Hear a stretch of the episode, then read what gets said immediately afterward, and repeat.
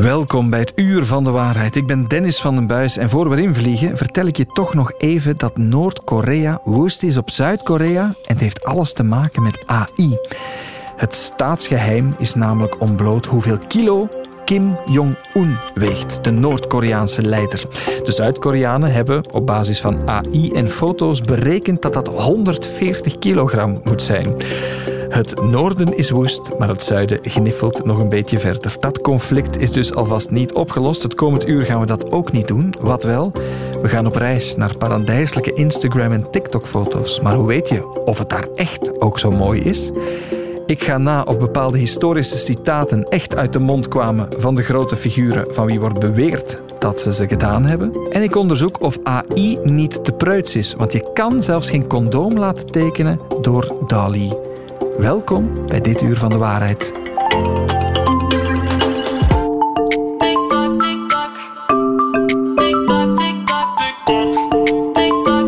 Het uur van de waarheid. Op sociale media, Instagram, TikTok zie je de mooiste vakantieplaatjes. Parelwitte stranden, een palmboom, het noorderlicht, eh, adresjes die je echt moet bezoeken. Ze staan er altijd helemaal alleen, idyllisch, een paradijs voor één of twee mensen. Zo lijkt het toch op sociale media. Maar als je je reis zou plannen enkel en alleen op basis van die posts, dan ben je er misschien aan voor de moeite, want ze zijn heel misleidend. Dat zegt toch mijn gast. Britta Baken is bij mij reisexpert, hoofdredactrice van Travel Express Benelux. Britta, welkom. Ja, goeiedag. Ja, Britta, ben jij ook uh, actief op social media met zulke posts? Ik uh, ben vrij actief op, socia op sociale media, inderdaad, maar ik probeer het wel realistisch te houden. Ja, de zomer is in aantocht. Uh, we dromen allemaal van een beetje vakantie. Um, iedereen kent ze wel, hè, de beelden die ik beschreven heb. Is dat echt een valkuil tegenwoordig voor heel veel mensen die denken dat wordt mijn reis? Maar een echte valkuil kan je het niet noemen, maar je moet toch wel opletten en je moet het toch wel met een korrel zout nemen, dat wel. Want sommige plaatjes zijn wel behoorlijk opgesmukt. Ja, zoals? Waar, waar moeten we zeker op letten of weet je meteen dit klopt niet? Uh, kleuren die niet kloppen. Je ziet soms helblauwe zeeën op plaatsen waar die, die zee helemaal zo blauw niet is. Uh, blue holes die dan schitterend blauw, blauw zijn. Als je er aankomt, blijkt het eerder een grijze tint te hebben. Dus uh, dat is, is, al iets waar je echt moet op letten. Ja. ja uh, het gaat veel verder, hè, want dat hebben we ook gehoord. TikTok kan ook buurten ja, een beetje in rep en roer zetten. Dit is van de lokale Amsterdamse televisie. Tot afgelopen zomer liep de zaak gewoon wel prima. Maar toen explodeerde het. Wij denken dat het een beetje komt door social media. Miljoenen views voor TikTok-filmpjes van gewone toeristen. Why this particular French fries place? Uh, saw it on Instagram. Je l'ai vu sur les réseaux sociaux. Had dat op TikTok gezien. Want een deel van de buurt ziet problemen. En dat is gewoon de groepsvorming op de stoepen aan beide kanten, zoals je ziet, en op de brug ook. De vervuiling is een groot probleem. En een ander heel belangrijk punt is de verkeersonveiligheid. Dat was een, een reportage over de zaak Fabel Friet. Die wordt ja, over de voet gelopen. Wat is daar allemaal aan de hand? Ja, dat uh, zijn allemaal mensen die dat gezien hebben op TikTok en daar per se ook naartoe willen. Nu, er is onderzoek naar gedaan en 57% van de mensen laat zich inderdaad leiden door sociale media om hun reis te plannen. En 1 op 3 geeft daar zelfs bij toe dat het, de fotogeniekheid doorslaggevend is om die bestemming te kiezen. En bij millennials loopt dat op tot 97 procent, dus dat is behoorlijk hoog. Ja, dus, en uh, dus ook voor specifieke adresjes binnen ja. die steden te gaan bezoeken, zo Ja. blijkt. Want het is niet het enige. Hè. Eh, er staan ook rijen aan een stroopwafel en een koekraam.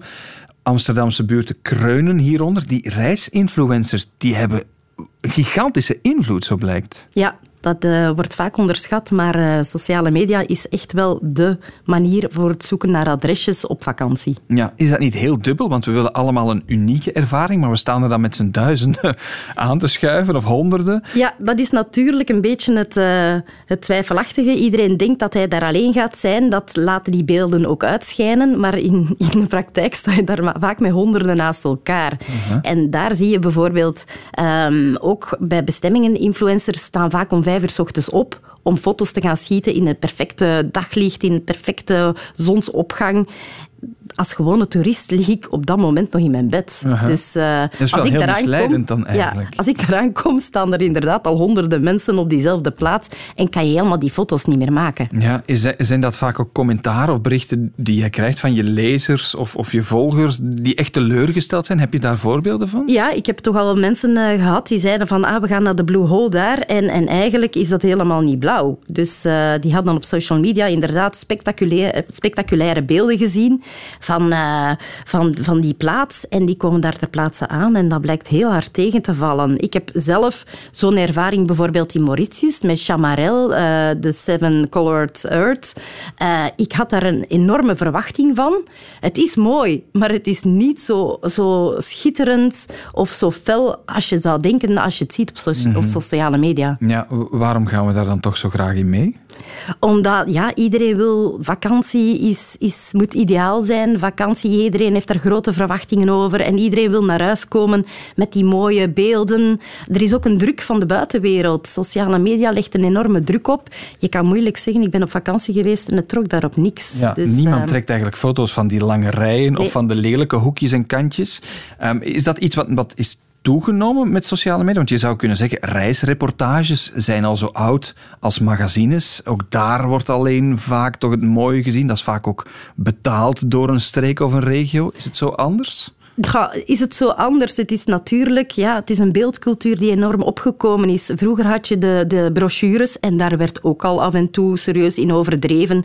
Ik herinner mij een zwembad in een hotel en als ik aankwam bleek dat eigenlijk een onder water gelopen postzegel. dus, ehm, breedhoeklens doet de- veel. Voilà, de breedhoeklens die was eh, al heel populair in het verleden. Maar natuurlijk, nu zit je met een beeldcultuur waar dat er veel meer mogelijkheden zijn. Photoshop ehm, is zeer populair. Eh, draden die weggeshopt worden uit beelden. Mensen die weggeshopt worden uit beelden. Dus ja, het, het- de technieken lenen zich veel meer daartoe. En ja, toeristische diensten, hotelketens, airlines, ze gaan er ook allemaal in mee. Omdat ze weten dat dat medium zo krachtig is en, en echt een verkoopskanaal geworden is. En Dus- iedereen wil, is dat dan niet heel dubbel? We, we willen dan ook allemaal die idealen opnieuw doorgeven door zelf van die perfecte foto's ervan te gaan nemen, terwijl je het zelf weet dat het niet zo is. Ja, iedereen houdt het inderdaad op een of andere manier in stand, omdat niemand diegene wil zijn tegengevallen is. Ja, ja, ja. Eh, ik herinner mijzelf Santorini bijvoorbeeld. Ik ben daar 15 jaar geleden geweest. Toen was dat nog oké. maar als je Ja. nu die beelden ziet, dat is ook weer een van die hellholes geworden van het massatoerisme. Ja. Eh, Is dat het lot van al die plekken? Goh, is dat het lot van al die plekken? Het is natuurlijk, eens dat het in zo'n hype geraakt, is het moeilijk om daarvan af te geraken. In Amerika bijvoorbeeld, het is heel grappig, die, die meisjes willen er allemaal naar Europa, eh, omdat ze denken dat wij hier in Europa allemaal in, in middeleeuwse dorpjes wonen en op kasseistraatjes eh, rondlopen. Ehm, daar heb je ook hashtags voor. European Style is bijvoorbeeld een populaire hashtag in Amerika, omdat zij dus inderdaad hoor, die influencers het beeld hebben dat wij hier allemaal in van die middeleeuwse dorpjes Een wonen. soort van Dus Disneyficatie Ja. van de wereld eigenlijk. Je hebt zelfs in Oostenrijk heb je een dorpje, Hallstatt, is een dorpje met 800 inwoners. Die, die zijn eh, volledig overspoeld. Dat is het dorpje waarop eigenlijk eh, de dorp van, van Frozen is gebaseerd. De Disneyfilm. Ja, Ja, de Disney-film. En sindsdien wordt dat overspoeld door influencers en mensen. Dat is een van de populairste dorpjes daar geworden. Maar dat, dat, dat dorpje kan dat ook helemaal niet aan. Dus die hebben op een bepaald moment gewoon een, een wand gezet op een van de populairste selfieplaatsen. omdat het gewoon is dat zo- iets wat we vaak vergeten? We hoorden het ook al in Amsterdam, dat dit wel een heel grote impact heeft Ja. op mensen die daar gewoon wonen en werken. Ja, inderdaad. Je hebt natuurlijk bestemmingen die daar ook heel hard in meegaan. Natuurlijk. Je moet het niet alleen eh, langs de influencerskant gaan, gaan beschuldigen, want je hebt ook populaire plaatsen waar de bevolking erin meegaat en daar een heel eh, verdienmodel in gezien hebben. Bijvoorbeeld in Bali. Je ziet dan de vele mooie foto's van de schommels boven de rijstvelden. Ja, daar staat inderdaad een rij en daar staat een mannetje en je moet betalen. Dus eh, dat is een, een verdienmodel voor hen ook geworden. En zij leven echt ook van dat toerisme. Heel veel plaatsen leven van toerisme. Maar zijn er toch niet veel plekken waar het ook al ja, over de hill is, waar we toch beginnen te merken het massatoerisme, de lijn naar boven stopt ergens. Denk aan Venetië en de cruises. Denk aan Ja. eh, La Spezia, denk ik ook, Italiaanse kust, waar je geen selfies meer mag nemen. Je moet doorlopen. Ja, inderdaad. Dat is een beetje het gevaar natuurlijk. Maar ja, je kan moeilijk zeggen, jij bent er geweest en jij mag niet meer gaan. Dus dat is een heel moeilijk iets. Iets dat populair is, willen mensen ook natuurlijk ook. Iedereen wil erbij horen. Kunnen we Iedereen op wil een, of andere, op een of andere manier ook nagaan of wat we op Instagram zien, of dat klopt? Heb je daar tips voor? Stel, je ziet een bestemming, wauw, op Instagram. Wat moet je doen om te weten, val ik daar in de valkuil? Of kan ik daar wel echt gewoon van het paradijs genieten? Ja, je, je ziet sowieso al waar is die foto gepost. Zie je dat bij een influencer met miljoenen volgers, dan weet je dat daar waarschijnlijk wel wat, eh, wat centjes aan te pas komen. Dat daar Sponsoring. gesponsord is. In België inderdaad moet je dat aangeven als influencer. Moet je zeggen van kijk, dit is een sponsored post. Maar in, in het buitenland is dat vaak nog niet zo. Dus eh, kijk al één, wie dat het gepost heeft, dat is al een heel belangrijke. En twee, ja, ga die plaatsen ook eens gewoon door eh, Google halen. En dan zie je vaak andere foto's dan dat je op social media ziet. Ja, of eh, Google Maps, zie je misschien Ja, de achterkant Google Maps, van, van de straat. Daar zie je heel Ja, want- andere beelden. Want bijvoorbeeld, jij bent hoofdredacteur van Travel Express Benelux. Word jij ook gesponsord? Zijn er ook regio's die zeggen, ah, Britta, kom maar langs? Nee, ja, uiteraard worden wij vaak uitgenodigd, maar wij zijn toch heel neutraal daarin. En wij zullen ook zeggen van oké, ehm, dit is misschien niet zo geschikt voor die mensen of dit is niet echt de moeite. Jij gaat zeggen wat er aan de achterkant gebeurt in wij durven dat af- absoluut zeggen, ja. Oké, een eh, goede tip om daar eh, dan te raden te gaan. De vakantie komt eraan, maar we moeten niet alles geloven wat we zien. Britta Baak, reisexpert, dankjewel om bij ons te zijn. Graag gedaan. Radio 1. Het uur van de waarheid. De waarheid, de waarheid, het zal allemaal wel zijn, maar hoe weten we of de woorden die iemand uitspreekt ook echt waarheid zijn? Laat staan of iemand die woorden ook echt heeft uitgesproken. Deze week was de zangeres Pommelien Thijs niet weg te slaan uit het nieuws, want ze stond op de cover van Humo, maar ja, ze was fout geciteerd. Hallo, ik denk dat het fijn is als we nog eens eh, allemaal de regels van het citeren herhalen. Ik heb ADHD, dus ik ben niet verantwoordelijk voor mijn daden. Dit heb ik niet gezegd. Zou ik ook niet zeggen. Sta ik niet achter. Ze had ADD en de rest van de uitspraak klopte ook niet. Zij leeft nog, heeft dit op sociale media kunnen rechtzetten, maar heel veel quotes, onder andere van dode bekende mensen, die worden gebruikt en misbruikt. Rien Emery, onze factchecker, is hierbij komen zitten. Rien, goedemorgen. Hallo. Rien, eh Pommelien Thijs is, staat in een illustre rijtje blijkbaar van mensen wiens quote fout zijn of misbruikt worden. Absoluut, absoluut. En heel recent nog hebben een aantal politici, politici zich bezondigd aan valse quotes. Wie en wat? Ja. We gaan beginnen met eh, onze premier, Alexander De Croo. Eh, die reageerde in de Tijd, de krant, op het eh, voorstel van N-VA om weer te gaan onderhandelen met de PS na de volgende verkiezingen. En toen zei De Croo, dat is exact wat Einstein waanzin noemde. Al- altijd opnieuw hetzelfde doen, maar hopen op een ander resultaat. Einstein citeren klinkt goed, maar Heel coole quote, maar het is geen quote van Einstein. Oh. Kan je die terugvinden ergens? Toegedicht aan Einstein dan? Ja, eh, helemaal aan het begin van de 20e eeuw is die ooit toegedicht geraakt in een brochure van Narcotics Anonymous, een eh, hulpvereniging voor drugsverslaafden. Ehm, ja, die hebben dat op een of andere manier aan Einstein toegeschreven, die, die quote, maar het is dus geen Einstein-quote. Oké, klopt niet. Maar politici, zei we hebben er al één gehad, de premier, wie nog? Ook heel recent op Twitter heeft eh, Jeremy van Eekhout, de co-voorzitter van Groen, zich een beetje boos gemaakt op Socrates, de, de filosoof uit de Ja. vijfde eeuw voor Christus. Want die zou een non-analyse gemaakt hebben over de jeugd van tegenwoordig, die niet meer luistert naar de volwassenen. Toen al, hè, 2500 jaar geleden. Ja, dat, dat herinner ik mij, dat, Ja. dat dat altijd gezegd wordt. Socrates zei ook al, de jeugd van tegenwoordig trekt op niks. Maar ook dat, heel lang citaat, was niet van Socrates. maar Oh. was van een historicus die ooit een samenvatting had gemaakt van een aantal tijdsgenoten van Socrates en hun houding ten opzichte van jongeren. En dat is dan wel ooit verbasterd geraakt en aan Socrates toegeschreven. Oké, dus onze politici hebben wel een handje weg van misschien wat, wat fouten citeren. Ik was naar een podcast aan het luisteren eerder deze week ehm, over ondernemer Bart de Klerk die naar Santiago stapt. En op de vraag, ga je dat wel kunnen, antwoordde hij dit. Ik noem nu Obama, maar ik ga iemand helemaal anders noemen. Hè. Pipi Langkous. En die zei van, ik heb het nog nooit gedaan, dus ik denk dat ik het wel kan. Pippi Langkous, mooie quote. Ja, geen historisch figuur, maar een literair figuur. Ja. En een quote die we ook wel kennen. Een quote die we kennen van, en iedereen denkt dat die echt ooit uitgesproken is door het personage Pipi Nee, ga je dat nu ook alweer komen in de... Helaas, Ah, helaas. Geen, eh, geen quotes terug te vinden. Niet in het boek, niet in de tv-serie, niet in de films van over Pipi. Geen enkele keer heeft ze dat ooit gezegd. Ja, maar hoe komt het dan, Rien, dat we dat allemaal weten en zeggen, ook over Socrates, dat politici Einstein citeren? Waarom doen we dat? Waar komt dat allemaal vandaan? Dat fenomeen bestond al vroeger. Specifiek die quote over Socrates werd al in de jaren 60 door een Amsterdamse burgemeester gebruikt. Maar op het internet is het wel heel erg verergerd. Als je zo'n quote googelt, vind je vaak honderdduizenden hits terug, waar dan inderdaad het toegeschreven wordt aan Einstein, aan Socrates, aan Pipi Langkous. Er worden prentjes gemaakt met hun hoofd ernaast en die quote erop, die worden gedeeld op sociale media. En het zijn ook gewoon hele leuke quotes. En je kan bovendien nog eens ehm, ja, een zeker gewicht eraan hechten door ze toe te schrijven aan een bekend, beroemd figuur.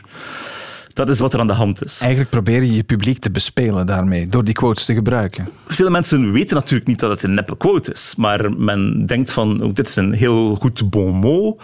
En als je ook nog eens kan zeggen van, ja, maar het komt van Einstein, als mensen die moeten beginnen tegenspreken, dan spreken ze eigenlijk ook Einstein tegen. hè, Ja, snap ja, ja, ja. ja. Het, Zo- verleent een beetje gezag aan, aan je uitspraken of aan je gedachtegang, maar het kan ook als een boemerang terugkomen, want Elon Musk, de eigenaar van Twitter, die had Voltaire gequote. Wat zei hij juist? Hij had een meme gedeeld waar een quote Ja. van Voltaire op stond. En die quote was: ehm, Als je wil weten wie er de baas is in de samenleving, moet je gewoon kijken naar wie je niet mag bekritiseren. Klinkt als iets dat, dat Voltaire zou zeggen. Ja, de, de, wel- grote denker van de verlichting uit Frankrijk. Voilà, sluit ook wel een beetje aan bij zijn gedachtegoed, maar hij heeft het ook nooit gezegd. En er is nog een veel bekendere quote, zoals eh, ik verras u wat, u eh, wat uw denkbeelden zijn, maar ik zal met mijn leven verdedigen dat u het altijd kan blijven zeggen. Hè. Ook, ook zoiets dat altijd toegeschreven wordt aan Voltaire. Is ook niet van Voltaire, maar van een biograaf van hem die het ooit zo samengevat had. En die, Maar- die eerste quote van Musk, die we vernoemden, eh, toegeschreven aan Voltaire, zou dan weer van een neonazi komen. Ja, die, die, die was inderdaad van een, dat was dan extra ironisch dat het van een neonazi kwam. Ja. Maar ehm, dus dat, dat gebeurt wel vaker. Vaker zijn het niet noodzakelijk eh, ideologisch tegengestelde personen, maar gewoon onbekendere mensen die ooit iets heel nuttigs of, of, of inzichtsrijks gezegd hebben, al dan niet per toeval. En dat wordt dan ja, beter en sneller verspreid als het aan een beroemdheid wordt toegeschreven. Hoe kunnen we nu, want je zegt het zelf, op het internet circuleren de wildste quotes die toegeschreven worden aan allerlei mensen met prentjes erbij. Hoe kan je nu weten of die mensen dat echt gezegd hebben of niet? Wel, ik heb drie tips. Eh, de eerste tip is eh, Google. Maar als je gewoon googelt, zoals gezegd, ga je gewoon honderden keren of duizenden keren of zelfs miljoenen keren dan- de fake Dan quote val je, dan val je in de... Voilà. Maar je kan wel specifieker googlen. Je kan gaan googlen bijvoorbeeld met een tijdslimiet in te stellen. Als je ergens bovenaan eh, klikt op een aantal uitklapvakjes, kan je instellen van ik wil zoeken wanneer deze quote op internet stond tot het jaar 2004 bijvoorbeeld. Voor die en als hij dan niet, als hij niet opduikt voor 2004, is het al wat vreemd als het om een historische quote van een figuur als Einstein of Socrates zou gaan. Maar sommige zijn natuurlijk al veel ouder en gaan al veel langer mee en dan vind je niet terug. Er zijn ook gewoon ehm, ja, naslagwerken van quotes. Eh, De Oxford Dictionary of Quotations en er zijn zelfs honderden citatenboeken die bestaan. Maar daarvoor moet je natuurlijk dan eerder naar de bibliotheek fietsen eerst. Misschien niet zo handig. Maar er zijn ook internetbronnen om dat te doen. En dat is mijn laatste tip. Quote Investigator, quoteinvestigator.com, is een zeer goede site die zeker over quotes die heel vaak gedeeld worden en die al langer verkeerd toegeschreven worden aan de verkeerde mensen, gaat opzoeken en gaat achterhalen waar ze echt vandaan komen. Een zeer interessante site. En een andere tip is om de quote die je wil gebruiken eens te googlen en dan erachter te typen site dubbelpunt wikiquote.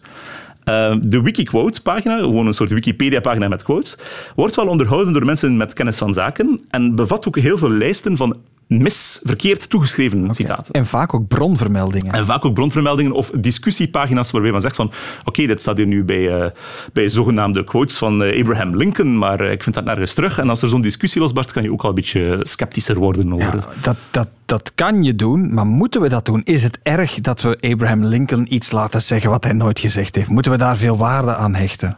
De meeste mensen vinden het niet erg. En als het een soort citaat is dat eigenlijk wel een beetje overeenstemt met wat die persoon dacht, vinden veel mensen het nog minder erg. Maar eigenlijk, en dat gebeurt ook heel vaak, zijn het citaten die helemaal niet staan waar een persoon voor stond. Ja. een historische figuur of, een- of een echt of gekaapt. Ja, en als zo'n citaatje dan overal op internet staat en mensen lezen geen biografie meer van die historische figuur, gaan ze die zich verkeerd herinneren. Dan denk je dat Socrates een oude zeur was die aan het kankeren was op de, de jeugd van tegenwoordig. Wat hij nooit gedaan heeft. Of toch niet, voor zover we weten.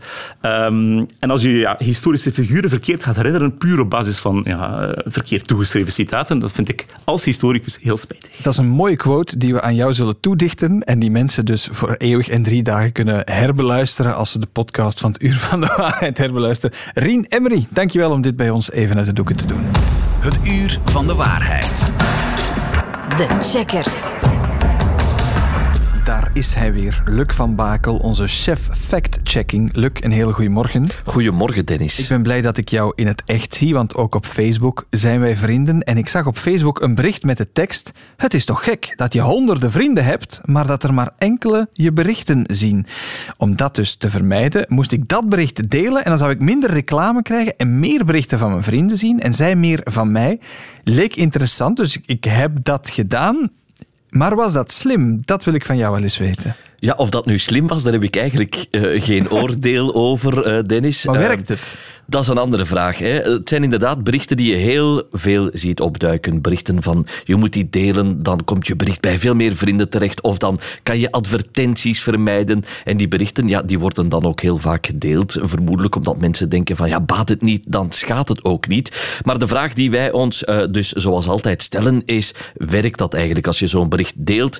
Komt jouw eigen bericht dan effectief bij meer mensen terecht? Of kun je reclame vermijden? Dat uh, onderzocht Justine Viane van FactCheck Vlaanderen. Nee, dat klopt eigenlijk helemaal niet. Dat heeft geen enkele invloed op het algoritme van Facebook. En zoals Facebook ook zelf aangeeft, op haar website kun je advertenties niet uitschakelen of blokkeren.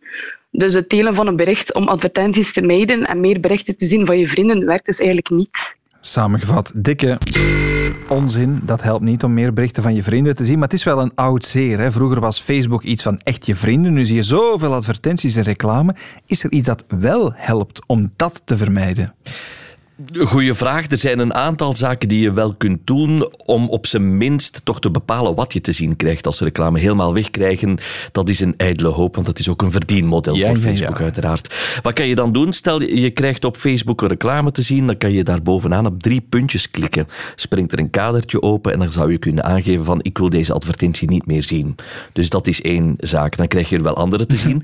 Dan kan je ook in datzelfde kadertje aangeven van waarom word ik in godsnaam getagd? Waarom krijg ik die reclame te zien? En daar kan je een beetje aangeven van wat je dan wel wilt zien. Dus er is wel een kleine mogelijkheid om te sturen van uh, wat er op je tijdlijn te zien is. Maar echt blokkeren kan je dan niet? Dat is moeilijk. Er zijn wel een aantal programma's die je helpen om reclame tegen te houden. Dat uh, heet eigenlijk een adblocker. Dat is een software, een programma die je kan uh, installeren als een extensie in je browser. En die blokkeert wel, het helpt niet altijd even goed, maar die blokkeert wel reclame. Dat kan ook dat helpt bijvoorbeeld ook op YouTube en dergelijke. En dat zegt ook Justine Viane van FactCheck Vlaanderen. Adblockers zijn volledig gratis. Enkele goede adblockers zijn AdGuard of AdBlock. Uh, AdBlock wordt ook um, door de federale politie um, gepromoot eigenlijk, omdat het uh, hackers zou kunnen tegengaan. Doe er je voordeel mee, zou ik zeggen. We gaan naar een ander verhaal dat uh, met de tandjes van onze kinderen te maken heeft. Want het is een bericht dat op sociale media gedeeld wordt over fluoride in water of tandpasta. Want, zo zegt dat bericht, fluoride zou het IQ van kinderen naar beneden halen. Ja, straffe uitspraak toch? Uh, het is een bericht dat al een tijdje rondgaat. Het komt eigenlijk van een Amerikaans rapport uit 2022. En daarin wordt gewacht gemaakt van de impact van die fluoride op het IQ van kinderen. Wat staat er dan nog bij, bij die bewering? Is dat de Amerikaanse overheid dat rapport moedwillig onder de mat heeft geveegd, zodat het nieuws niet bekend zou worden bij het grote publiek. Ja, maar de vraag die wij ons dat stellen, klopt dat nu eigenlijk? Kan drinkwater of tandpasta met fluoride nu je IQ verlagen? En dat heeft Marleen Finulst van Gezondheid en Wetenschap voor ons bekeken. Die fluorideconcentraties die men uh, getest had, die waren veel hoger dan wat er normaal in het drinkwater zit. Dus we hebben eigenlijk in ons drinkwater een zeer veilige grens aan fluoride, ook in de Verenigde Staten, ook in België, waar trouwens geen fluor wordt toegevoegd aan het drinkwater. In Amerika wel. Dus er is geen enkel, geen enkel probleem met fluoride. En bovendien, tandpasta, dat eet je niet op. Hè. Ik zou nu zeggen, als je nu echt een tube tandpasta zou gaan leegknijpen en opeten, dan kan je wel eens een fluoride-intoxicatie hebben, maar dat doen we natuurlijk niet. Te veel fluoride, dat merk je trouwens eerst aan bruine vlekken die je krijgt op je tanden en dat zien we nu echt niet. Mensen hoeven zich helemaal geen zorgen te maken. Ja, pas toch op, Marleen Finoost. Ik heb soms een zoon die de tandpasta liever uh, inslinkt en opeet dan op zijn tanden doet. Maar goed, normaal gezien doen we dat niet. Um, ja, Luc, er zijn, zijn, nog wel vraagtekens bij die studie te stellen. Hè? Ja, uh, klopt. Dat rapport is dus eigenlijk later ook aangepast geweest, Dennis. Omdat experten daar toch wel wat commentaar op hadden op de werkwijze en die erin beschreven stond. Dus die berichten die je nu op het internet ziet circuleren, die zijn eigenlijk gebaseerd op dat nog niet bijgewerkt rapporten geven dus een heel vertekend beeld, maar dat wordt daar netjes niet meer bij gezegd. Maar ook dat valse dilemma kiezen tussen gaten in de kennis van onze kinderen of gaten in hun tanden, daarover kunnen we zeggen. Er wordt veel te veel gelogen tegen ons. Nee, het is niet waar en het is ook nog eens gecorrigeerd, dat onderzoek. Ja, nog, nog één uh, verhaaltje, Dennis, en, en daarvoor een vraag. Hoe slaap jij eigenlijk? Uh, hoe Goed. lig jij in ah. het bed? hoe lig ik in het bed?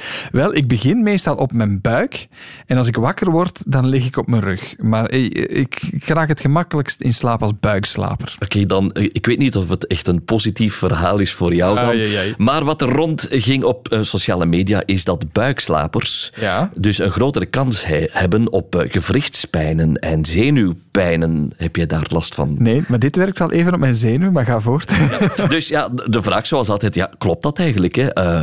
Kun je als, of heb je als buikslaper dus sneller last van gewrichtspijnen? Dat uh, bekeek uh, Stefanie van den Broek van KNAK. Mensen die heel veel op de buik liggen, die kunnen vroeg of laat inderdaad wel klachten krijgen. Het zal niet zozeer spierpijn zijn, eerder last van gewrichten, ligamenten en zenuwen.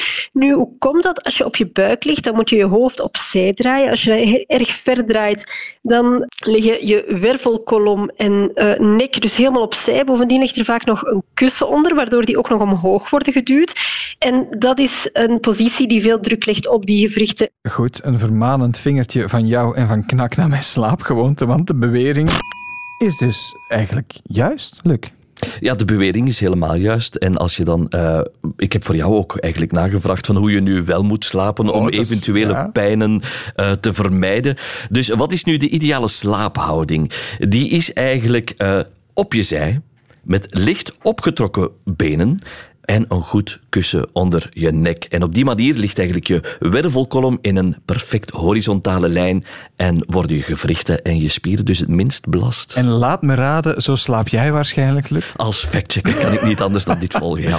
Ik zou bijna zeggen, waar kunnen we de beelden bekijken? Maar nee, waar kunnen we het rustig nalezen en checken? Dat kan altijd op de pagina van de checkers.be en daar vind je de factchecks terug van VRT Nieuws, van Factcheck Vlaanderen en van KNAK. Luc, dankjewel. Radio 1. Nu heb ik iets meegemaakt. Um, elke week maak ik na onze uitzending, als onze podcast van het Uur van de Waarheid gelanceerd wordt, uh, via DAL-E een, een afbeelding. DAL-E is een, ja, een tool online waarin met artificiële intelligentie eh, een prentje kan maken of een foto. Je kan daar woorden ingeven. Ik zeg maar iets. Een, uh, een otter die geschilderd is als was het door Vermeer. En dan krijg je een afbeelding. Die artificiële intelligentie die, die draait dat dan door zijn machines en je krijgt een afbeelding. Zo wilde ik dat ook doen met de inhoud van onze vorige uitzending. En toen ging het over condoomgebruik en ook over recensies. Dus ik vroeg aan Dali, kan je mij een afbeelding geven, een 3D-afbeelding van een condoom met daar vijf sterren recensies bij? En toen zei Dali, nee dat kan niet, want dat druist in tegen de waarde van ons beleid. Ik nog op andere manieren geprobeerd, het woord condoom werd altijd geweigerd. En vroeg ik mij af, is AI, preuts. En wie bepaalt dat? Hoe zit dat? Ik ga erover spreken met Anne-Katrien Oyman. Zij is expert ethiek en AI aan de KU Leuven en eh, de Koninklijke Militaire School. Ook Anne-Katrien, goedemorgen. Goedemorgen. Ja, waarom mag ik geen afbeeldingen van een condoom maken van Dali? Weet jij dat? Ja, ik heb even de gebruiksvoorwaarden ook van, van DALI en van andere generatieve AI-modellen erop nageslaan. En, en algemeen is het grosso modo zo dat alles wat niet geschikt zou zijn voor kinderen, dus op basis van geweld, seksuele activiteit, taalgebruik, per definitie wordt uitgesloten. Ook uh, andere beperkingen zijn er, zoals voor alles wat sociaal, mogelijk voor sociaal disruptieve doeleinden, zoals fake news gebruikt zou kunnen worden, of illegale activiteit, of alles wat politiek is. Dus ik denk in deze specifiek met de condoom dat hier het probleem inderdaad geweest gaat zijn dat het zogezegd een voorwerp is dat zou kunnen choqueren, of eventueel dat het een. Uh, een item is dat bedoeld is om seksuele opwinding op te wekken. Dus ik denk dat, daar, uh, dat het daar zit. Ja, maar tussen, laten we zeggen, geweld of echt, echt bedreigingen en een condoom afbeelden, dat is toch een heel breed spectrum. Is dat toch niet wat preuts van al die systemen dan om dat niet te doen? Ja, dus, zij leggen op zich de regels op. En er zijn nog wel een aantal bizarre voorbeelden te vinden van keuzes waar dat wij zouden zeggen van ja, dit is, dit is bizar. Bijvoorbeeld, zo zijn er testen gebeurd een aantal maanden geleden, wat dat, wat dat ChatGPT bijvoorbeeld gevraagd werd van ja, geef mij een gedicht over president Biden. En het systeem gaf dat gewoon. En later werd er gevraagd van ja, kan je een gedicht produceren over ex-president Trump? En daar verwees het systeem dan opnieuw naar de algemene richtlijnen en dat ze, dat ze niet politiek getint mogen zijn en dergelijke meer. Ja, maar het ene deden ze dan wel en het andere niet. Ja, dus nu, ik heb het voor de, voor de LOL getest met onze Vlaamse politici en daar, daar doet het systeem het wel. Dus momenteel alle bekende Vlaamse politici, daar produceert het systeem gewoon gedichten over. Maar er zijn in het verleden een heel aantal inconsistenties in het systeem gevonden. Ook bijvoorbeeld het tijdstip waarop je het systeem een vraag stelt, daar gaan je antwoorden gaan na gelang het tijdstip anders zijn. En voor mij persoonlijk het meest opmerkelijke en ook denk ik het meest ethisch problematische voorbeeld was van, van ik denk een, een maand geleden waar dat testen werden uitgevoerd waaruit dat eigenlijk bleek dat ChatGPT impliciet ervan uitging dat een arts of een dokter altijd een man was en een verpleegkundige altijd vrouwelijk was. Ja, nu je zou kunnen zeggen dat dat uh, zit in de AI of hoe hij of zij of het dat dan percipieert. Die andere grenzen waar we het eerder over hadden, wie bepaalt dat eigenlijk? Wie bepaalt de grenzen van de artificiële intelligentie waar het brede publiek dan mee aan de slag kan? Ja, dan zitten we op zich een beetje in hetzelfde schuitje als de discussie van een aantal jaar geleden over de sociale media en de zogenaamde content moderators. Dus op dit moment zien we dat de macht van wie bepaalt wat. Uh, wat aanstootgevend is, wat politiek correct is, dat op dit moment dat die macht vooral bij de big tech, bij de meta's en bij de Google uh, vandaag de dag ligt. En dat zij dus wel degelijk beslissen Um, dus daar zien we een grote machtsconcentratie. Maar ik denk dat de interessantere onderliggende vraag is ja, de motivatie van die bedrijven. En momenteel de bedrijven die de grootste ontwikkelaars van AI-systemen zijn en die AI op grote schaal gebruiken. was de onderliggende motivatie van die bedrijven? En daar zien we dat ja, algemeen is het zo, een bedrijf kan een heel aantal motivaties hebben, waaronder winst maken, aandeelhouders tevreden houden, de betrokkenheid van gebruikers verhogen en zo verder. En daar is de vraag, ja, in hoeverre zijn die motivaties afgestemd op onze menselijke waarden die wij willen cultiveren in een liberale democratie? En algemeen zijn dat vragen die wij als maatschappij moeten beantwoorden. En hier zien wij dat er een kleine machtsconcentratie is bij een aantal bedrijven die die regels die dat in onze plaats gaan beslissen. Dat is eigenlijk dus- hetzelfde als bij de sociale media. Ja, dus, dus eigenlijk zeg je, op dit moment hebben die grote techbedrijven alles in handen om gewoon te bepalen wat wij kunnen en niet. Er is eigenlijk geen weg om. Eh, op dit moment is het zo dat zij inderdaad gaan beslissen op basis van hun gebruiksvoorwaarden wat, wat, wat wij wel of niet te zien krijgen. Hè? Mhm. ja, is dat ook anders in, in elk land? Ik bedoel maar iets, in, in China en India zijn er misschien andere gevoeligheden en grenzen dan in Amerika, dan weer in West-Europa? Of is dat voor, voor heel de wereld hetzelfde? Nee, ongetwijfeld. Um, er is een discrepantie tussen bedrijven, dus het, het, ik denk dat bedrijven heel goed afwegen in welk land ze wat laten zien. Ja, want een tijdje geleden over die regionale verschillen gesproken. Er was een Waalse journalist en die had aan ChatGPT gevraagd: schrijf mij eens een verhaal waarin België wordt geregeerd door NVA en Vlaams Belang. In het Nederlands rolde daar een hele tekst uit en in het Frans, dezelfde vraag, ja, kwam er eigenlijk het antwoord: dat is onmogelijk voor mij om dat te doen. Daar zitten dan toch wel verschillen op. Is dat dan politiek georiënteerd of hoe moeten we dat interpreteren? Ja, bij dat soort systemen het is zo dat, dat bijvoorbeeld ChatGPT is een generatieve AI-tool die op basis van een trainingsset nieuwe data of een nieuwe originele inhoud produceert. Dus op basis van patronen die in een bepaalde dataset zitten, die dus ook mogelijke historische bias bevat. Nu, die bias is nodig om überhaupt tot resultaten te komen, maar in sommige gevallen, in dit geval denk ik, want het is, het is een redelijke zwarte doos, dus het is moeilijk om te achterhalen waarom het systeem precies een verschil maakt tussen de Franse vraagstelling en de Nederlandse vraagstelling. Maar het meest plausibele is denk ik dat de data verschilt. Dus in het geval van, de, van het Frans verhaal zal het systeem zich beroepen hebben op... ehm, het, alles wat er te vinden is rond dat topic in de Franse media bijvoorbeeld, op het Mhm. internet, en in de Vlaamse variant, de Vlaamse media. En daar, is natuurlijk, daar wordt niet noodzakelijk eh, klakkeloos hetzelfde geschreven. Ja, dan moet je toch vaststellen, zeker als je weet dat die artificiële intelligentie ook in zoekmachines nu gebruikt wordt, dat dat wel grote gevolgen heeft, die bril waarmee ze ons laten kijken misschien naar de wereld. Ja, klopt. En ik denk dat daar ook het belang zit om te beseffen dat, ook al gaat het hier over eh, een generatieve AI-tool, het blijft een tool die wij gebruiken, net zoals sociale media, en die wij dus ook verantwoordelijk of minder verantwoordelijk kunnen gebruiken. Dus ik denk dat daar vooral opportuniteiten zitten voor onze digitale geletterdheid ook, en om te leren om bepaalde tools zoals ChatGPT handig in te zetten en ook juist in te zetten. Wat we vaak zien is bijvoorbeeld dat ChatGPT de laatste tijd gebruikt wordt als zoekmachine om bepaalde feitelijkheden op te zoeken, zoals bijvoorbeeld eh, wat is de oppervlakte van België, ik zeg zo maar iets, of wat is Mhm. het standpunt van een bepaalde politieke partij. Maar in feite is, is zeker ChatGPT, denk ik, vooral eh, interessant om niet te gebruiken als zoekmachine, maar effectief als assistent of als schrijftool te gebruiken om bijvoorbeeld eh, een out-of-office mail te genereren of een mail naar een collega waar je zelf geen tijd voor hebt om ze te schrijven. Omdat daar die onbetrouwbaarheden en die discriminerende factoren veel, veel lager liggen. Dus ja, je net moet zo... het goed gebruiken voor Ja. de juiste dingen, zeg je. Klopt. Want zie je dat ook veranderen? We zitten in zekere zin aan het begin van die breed gedragen AI-technologie of tools of toepassingen die we als burger kunnen gebruiken.